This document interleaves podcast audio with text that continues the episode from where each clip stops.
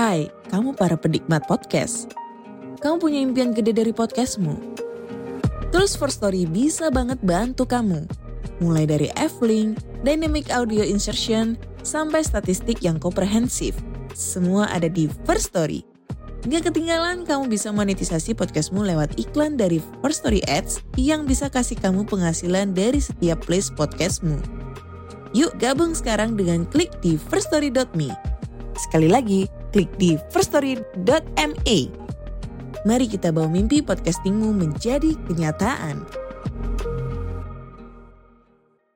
Sebelum masuk ke cerita, aku pengen kenalin nih salah satu hosting. Hosting ini sangat favorit nih buat gue.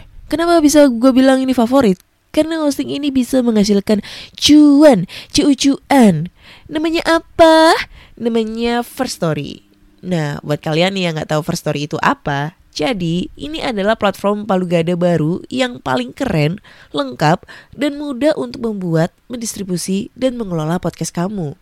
Di First Story ini kalian bisa menggunakan fitur-fiturnya 100% gratis kamu bisa mengupload episode terjadwal dan mendistribusikan podcastmu di semua platform hits podcast kesayangan kalian.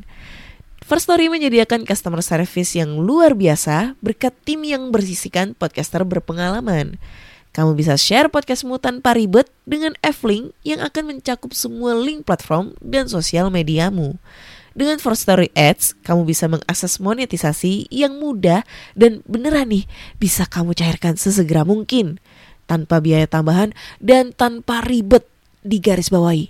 Ribet, gak pakai ribet ya. Jadi tunggu apa lagi? Gunakan hosting First Story sekarang juga.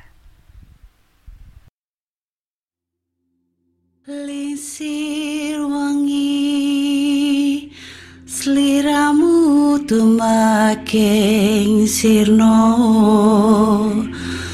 Ojo tangingkanmu guling Awas jok ngetoro.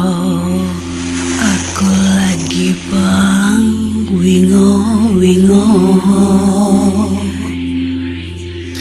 setan kang tak utusi Dadyo sembarang Wojo layu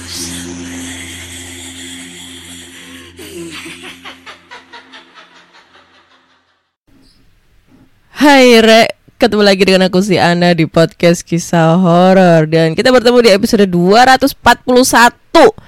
Dan di episode kali ini aku membacakan cerita horor ataupun email berhantu yang sudah dikirimkan teman-teman melalui podcast kisah horor at gmail.com atau di Instagram podcast kisah horor serta Google Form yang linknya tersedia di bio Instagram podcast kisah horor. Hehe. Haha. Hahaha. Ya, Seharusnya sih ini aku tuh update-nya tuh rajin ya. Tapi ya mohon maaf ya kalau misalnya aku tuh agak kurang rajin gitu. Rona nanya gue lagi seneng. Ya Iya emang gue lagi seneng. Seneng kenapa? Karena gue sekarang udah punya gebetan baru cuy. Gue udah punya gebetan baru. Ana akhirnya dapet gebetan baru. Tapi gak tahu ini serius apa enggak ya. Apakah nanti sama seperti yang lain-lain? Eh, Yang lalu-lalu ya Seperti Sirio anjing Ega bangsat Dan yang lain-lainnya. Bajingan-bajingan itu semua nggak tahu nanti kita lihat ke depannya ya apakah gue galau lagi apa enggak. Yang penting sekarang gue nggak udah nggak galau gitu ya. Dan lagi kemarin banyak yang komen "Hah, nggak ada backsoundnya ke anak anyep Iya sih gue ngerasanya tuh kayak anyep banget gak ada backsound. Tapi ya mau gimana lagi ya Gue gak bisa ngedit coy. Gak kayak yang dulu-dulu. Gue kalau ngedit pakai PC itu agak ribet banget. Kalau yang lalu-lalu sebelum gabung sama PNE itu kan gue eh, ngeditnya pakai handphone. Nah handphone gue kan sekarang kan nggak begitu eh, mumpuni gitu ya Buat eh, ap- apa download aplikasi ngedit-ngedit gitu. Jadi kalau pakai PC itu kayak aduh, bingung caranya kayak gimana cuy, gitu cuy, ya kan? Tapi ya udahlah, yang penting kalian menikmati isi ceritanya ya walaupun banyak komentar-komentar netizen yang kemarin ada bilang, "Ah, hostnya terlalu lebay." Ya emang gue lebay, emang kenapa? gue lebay, kalau gak lebay gak laku, say. Kok kayak gini ya gue jadinya ya? Ya itulah pokoknya. Jadi untuk sementara ini eh, aku nggak pakai backsound dulu ya sampai aku menemukan cara bagaimana aku bisa ngedit eh, audio pakai backsound. Tuh dah ya. Jadi nikmatin aja cerita horornya. Ya semoga kalian bisa terhibur. eh semoga cerita horor di episode kali ini bisa menemani kalian di malam-malam mencekam gitu ya. Langsung aja kita bacain cerita horor dan cerita pertama ini datang dari yang tidak mau disebutkan namanya ya. Halo Kak, izinkan aku berbagi cerita dan mohon untuk namaku disamarkan. Untuk ceritanya sudah aku buat dalam format PDF. Wah, dalam lampiran email ini. Oke, salam sukses untuk kisah horor. Terima kasih. Oke, kita bacain ya. Wah, ada denahnya. Keren, keren. Halo Kak, aku salah satu pendengar podcast kisah horor sebagai pengantar tidur. Ini merupakan pertama kali aku membagikan cerita hororku di podcast kisah horor. Maaf kalau tata bahasanya kurang beraturan. Dan sebelum kita masuk ke cerita, perkenalkan, aku seorang mahasiswa yang kuliah keluar dari kota kelahiran. Timeline cerita ini akan berada di masa-masa aku kuliah dan ngekos di dekat kampusku. Oke, langsung saja. Yang pertama, perkenalan pertama. Cerita bermula ketika aku melanjutkan pendidikan di salah satu universitas swasta di bilangan Bandar Lampung. Karena aku berasal dari daerah yang cukup jauh dari tempat aku akan berkuliah, maka otomatis aku harus mencari tempat tinggal sementara atau kos-kosan. Singkat cerita, pilihanku jatuh kepada salah satu kos yang cukup dekat dengan kampusku. Dengan harapan bisa memperkecil biaya bensin atau transportasi. Kos ini berada di seberang kampusku, masuk ke dalam gang sempit dan cukup terper- terpencil. Jadi yang tidak mudah dilihat karena gangnya yang buntu dan jalan masuk ke lingkungan kosnya yang menurun.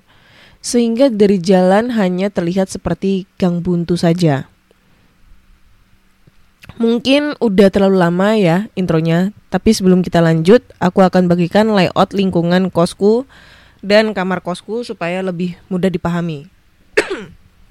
Oke, ini karena dia ngirim layout gambar, jadi aku agak sedikit per, eh, agak sedikit menjelasin ya.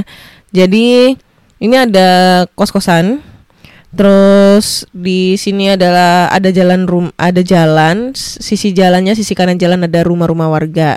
Nah, samping rumah warga ini ada kos satu rumah, ada kos, ada kos, ada kos, terus ada kos si pencerita.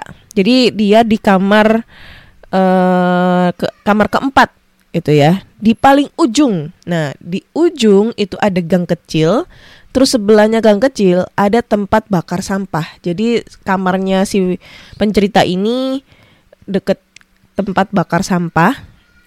Lalu di belakangnya kamar itu ada rawa-rawa gitu ya. Oke. Kurang lebih kayak gitu gambarannya. Nah, lanjut. Lingkungan kosku terdiri dari empat kamar dan ada dua kamar yang dijadikan satu rumah. Posisi lingkungan kosku tertutup oleh dinding belakang rumah warga. Begitupun dengan kanan kiri kosku dan di bagian belakang hanya ada rawa sehingga cukup tenang suasananya juga meminil meminimalisir untuk orang-orang tidak dikenal untuk masuk ke lingkungan ke lingkungan kos. Kamarku berada di pojok dekat tem dengan tempat tempat biasa bapak kos membakar sampah. Aku memilih kamar tersebut karena lebih besar dibandingkan yang lain dan terdapat ruang tengah di dalamnya. Sementara kamar lainnya hanya kamar-kamar dan WC saja. Malam pertamaku tinggal di kos, aku tidak merasakan apa pun sampai pada saat tengah malam. Aku merasakan perutku mules. Langsung saja aku melaksanakan ritual buang hajat dan ketika sedang buang hajat, aku merasakan seperti ada seseorang yang mendorong pintu kamar mandiku. Awalnya aku mengira hanya angin, tapi aku ingat bahwa aku sudah dari tadi menutup pintu kosku. Sehingga tidak mungkin angin masuk dan dorongan itu terus berlanjut seperti didorong perlahan lalu dilepas lagi. Tapi masih aku hiraukan sampai pada saat ku dengar suara seperti pintu diketuk menggunakan kuku dengan irama yang pelan tapi stabil.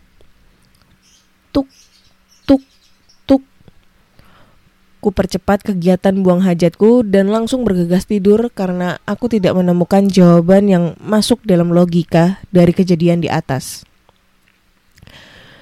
Lalu kejadian kedua yaitu bayangan hitam. Untuk cerita kedua ini bukan aku yang mengalami, tetapi temanku yang menumpang tinggal di kosku. Sementara kamarnya sedang direnovasi oleh keluarganya. Kejadian itu terjadi sekitar pukul 7 sampai 8 malam saat aku dan temanku, sebut saja Kuncir, sedang mengobrol sambil du sambil duduk-duduk santai di kamar tidurku. Lalu ia pamit ingin buang air besar, tapi tidak ada semenit ia sudah kembali lagi ke kamar tidurku yang tentu saja membuatku heran dan bertanya kepadanya. Loh, gak jadi ke WC? Gak apa-apa, Gak jadi, rasanya udah hilang soalnya. Jawab si kuncir. Aku curiga dengan raut wajahnya yang seperti menyimpan rahasia. Tapi melihat suasana yang tidak mendukung, aku pun mengurungkan niatku untuk menanyakan lebih lanjut dan mengalihkan pembicaraan. Baru esok paginya, aku tanya kepada si kuncir tentang penyebab dia yang tidak jadi ke WC. Dan si kuncir pun menjawab, saat aku belum menutup pintu WC dan menyiram lubang WC, sebelum buang air besar, aku mendengar suara orang sedang berjalan di belakangku. Yang kukira itu kamu. Lalu tiba-tiba ada bayangan yang semakin membesar di bawah kakiku. Seolah-olah sosok itu berdiri di belakangku. Tapi ketika aku menoleh ke belakang, tidak kutemukan siapa pun di belakangku. Padahal kalau bayangan itu bayang bayanganmu, kan tidak mungkin. Ketika aku menoleh, kamu sudah tidak ada lagi di belakangku. Aku pun bertanya, lah, kenapa tidak cerita semalam? Lalu kuncir pun menjawab, takut kalau aku jadi tidak nyaman di kos itu. Lalu yang ketiga, lempar helm. Cerita ketiga ini terjadi saat kamar kosku sedang ramai. Ada sekitar 5 sampai 6 orang temanku yang sedang menginap di kosku. Saat itu waktu sudah menunjukkan pukul satu malam. Tapi namanya juga anak muda sedang berkumpul pasti tidak kenal waktu. Dan berisik sampai tiba-tiba kami sama-sama melihat helm dilempar ke pintu kamarku yang tidak tertutup dari arah ruang, teng ruang tengah atau tempat biasa aku parkir motor ketika ingin tidur. Buru-buru kami keluar dari kamar untuk melihat siapa yang melempar helm milik salah satu temanku itu ke dalam kamar. Awalnya kami berpikir mungkin kawan kami yang lain jahil dan mengerjai kami. Tapi begitu kami semua berada di luar kamar, melihat keluar kosku, tidak ada seorang pun di sana. Dan kalaupun ada yang jahil, sangat tidak mungkin kami tidak melihatnya karena rentang waktu antara helm dilempar dan kami yang berhamburan keluar itu sangat cepat. Ketika ditanya kepada temanku, pemilik helm apa dia meletakkan helmnya di atas motor hingga mungkin terjatuh, dia pun menjawab tidak. Helm aku letakkan di lantai samping pintu masuk ruang tengah kosku. Sementara motor temanku motor temanku juga di luar. Jadi tidak mungkin kalaupun terjatuh bisa sampai ke pintu kamarku yang jaraknya lumayan jauh dan kuat seperti dilempar tadi. Kami pun langsung berpikir bahwa kami diperingatkan oleh sosok di kosku untuk tidak berisik dan segera tidur karena sudah dini hari.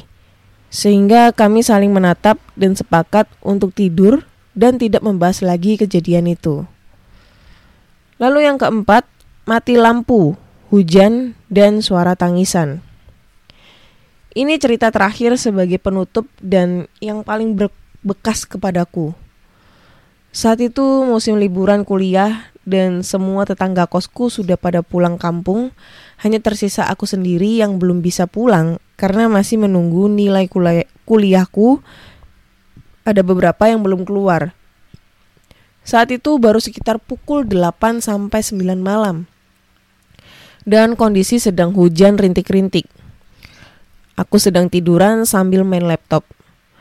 Ketika tiba-tiba mati lampu, aku pun tidak terlalu menghiraukan karena masih asik bermain laptop sampai tiba-tiba aku mendengar sayup-sayup suara perempuan menangis dari balik dinding kamar kosku yang berbatasan dengan tempat biasa membakar sampah.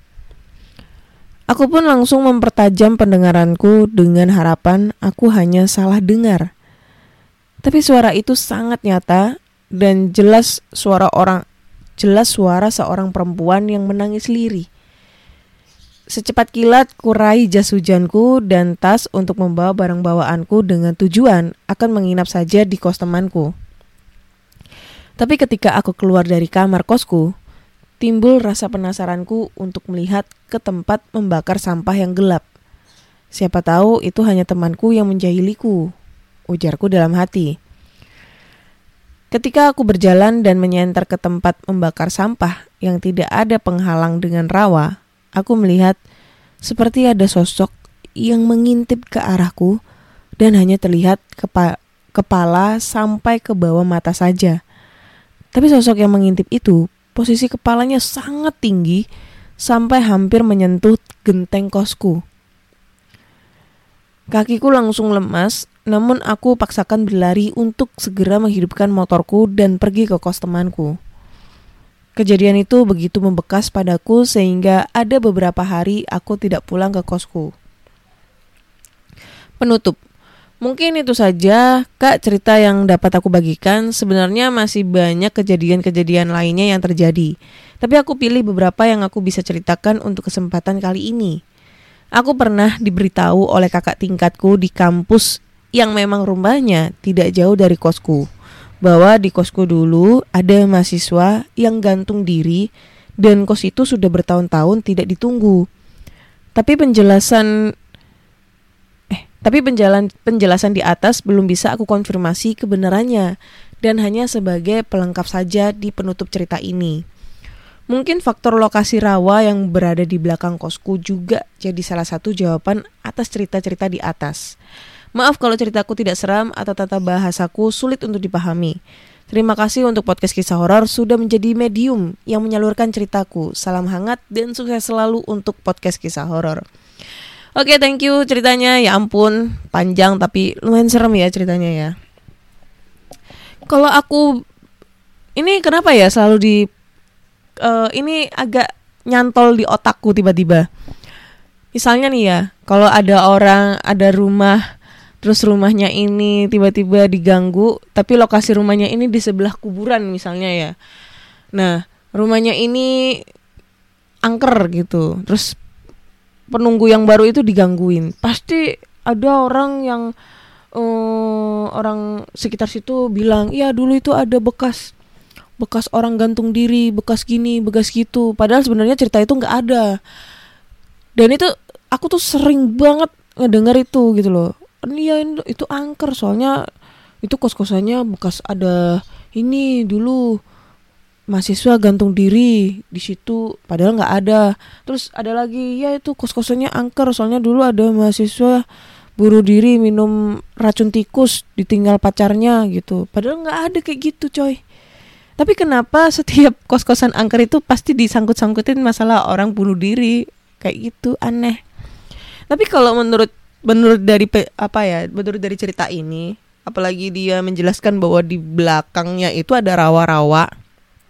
Sampingnya adalah tempat pembakaran sampah. Ya pasti mungkin ke kejadian horor itu ya mungkin dari rawa-rawa belakang. Bener apa kata si pencerita? Itu mungkin dari rawa-rawa belakang karena yang kita tahu ya rawa-rawa itu kan biasanya airnya kotor, lalu lembab di sana. Abis itu kadang itu ada orang yang suka buang sampah sembarangan. Nah, itu adalah tempat yang disukai para jin atau setan untuk mendiami lokasi tersebut. Seperti kuntilanak. Kuntilanak itu suka banget katanya sih ya, ini gua nggak tahu sih. Katanya dia tuh suka tempat yang lembab, berair, kotor dan uh, pokoknya itu yang lokasinya itu ada airnya kayak gitu. Nah, itu yang disukain kuntilanak. Nah, itu bisa jadi rawa-rawa itu adalah tempat bersemayamnya para jin-jin untuk ngeganggu si pencerita dan semuanya gitu. Yang nyambungnya ya ke kos-kosannya itu karena emang lokasinya kan pas di belakangnya ya. Itu guys. Jadi nggak usah disangkut-sangkutin kayak gitu. Malah nanti apa ya? Menghambat ini menghambat mata pencaharian pencaharian pencarian ya itu ya menghambat rezekinya yang punya kos-kosan nah itulah kayak gitu guys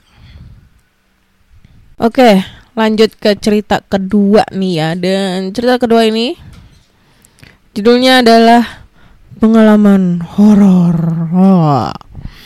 oke hai kak Ana perkenalkan nama aku Opi Aku adalah pendatang baru dan pendengar baru nih uh, untuk podcast kisah horor.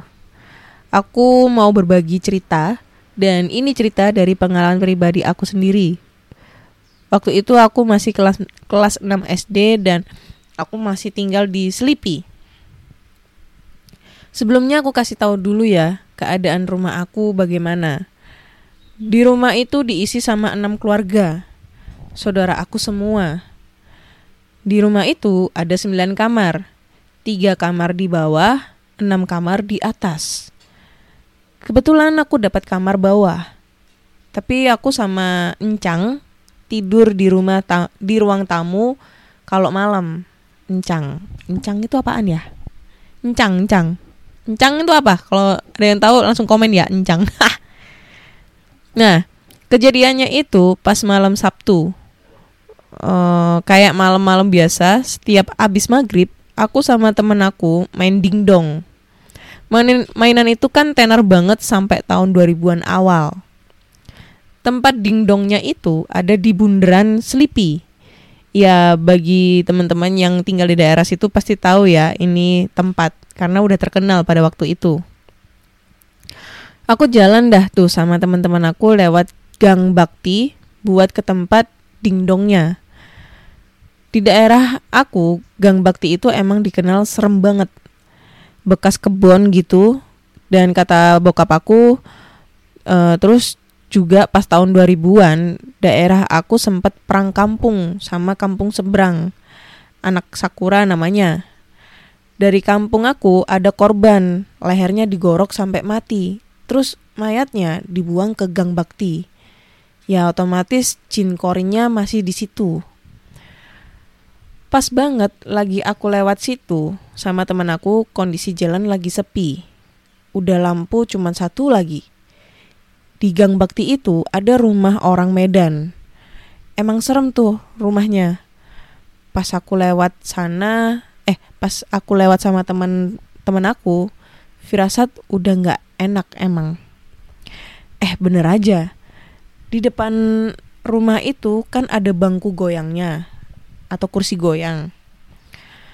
Tahu-tahu itu bangku bergerak sendiri. Temen aku langsung ngasih tahu aku. Karena aku penasaran sama hal-hal goib, aku deketin tuh uh, kursinya ke pagar. Pi, lihat dah, tuh bangku bergerak sendiri. Wah iya tuh, di. Aku penasaran, aku longok tuh dari pagernya. Udah pi, gue takut nih. Tar dulu, gue mau lihat nih. Pas aku liatin itu bangku, eh, tahu-tahu muncul setan muka rata. Aku kaget banget. Temen aku udah ngibrit duluan. Sampainya di dingdong, perasaan aku berdua udah gak karuan. Akhirnya aku main cuma sebentar doang. Pulangnya aku berdua gak mau lewat situ lagi. Aku lewat belakang hotel Ibis. Akhirnya Aku nyampe juga tuh di rumah. Aku sholat isya, terus aku tidur sama encang. Aku di ruang tamu gelar tiker. Kira-kira jam 3 malam aku mendusin apa sih? Aku mendusin. Mendusin tuh apa anjay? Mendusin. Oke okay, oke. Okay. Tapi aku lihat di bangku kok ada bokap aku lagi ngerokok.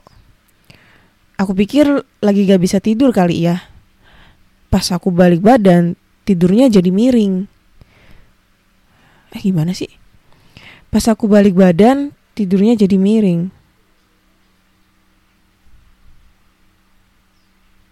Oh gimana sih? Aku nggak mudeng nih. Pas balik badan tidurnya jadi miring.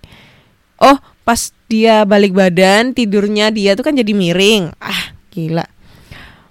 Kok bulu kuduk aku merinding terus. Leher aku panas banget.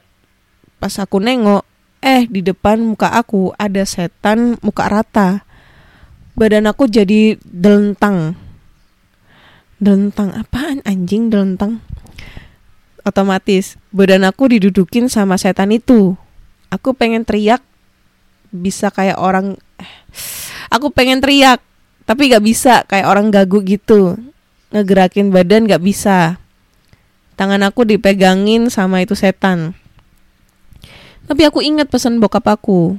Kalau lagi ketemu makhluk begitu, baca la haula wala quwata illa billah. Aku baca dah tuh dalam hati Alhamdulillah setannya mental. Terus buru-buru deh aku kabur ke kamar orang tuaku. Pas ditanya sama nyokapku, kenapa lu pi?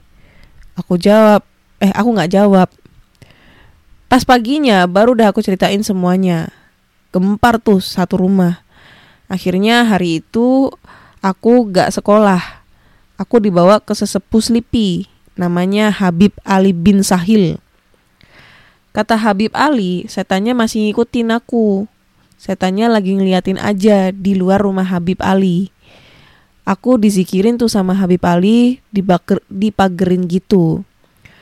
Terus juga Habib Ali ngomong ke setannya. Assalamualaikum, ente muslim bukan? Setannya ngejawab, bukan.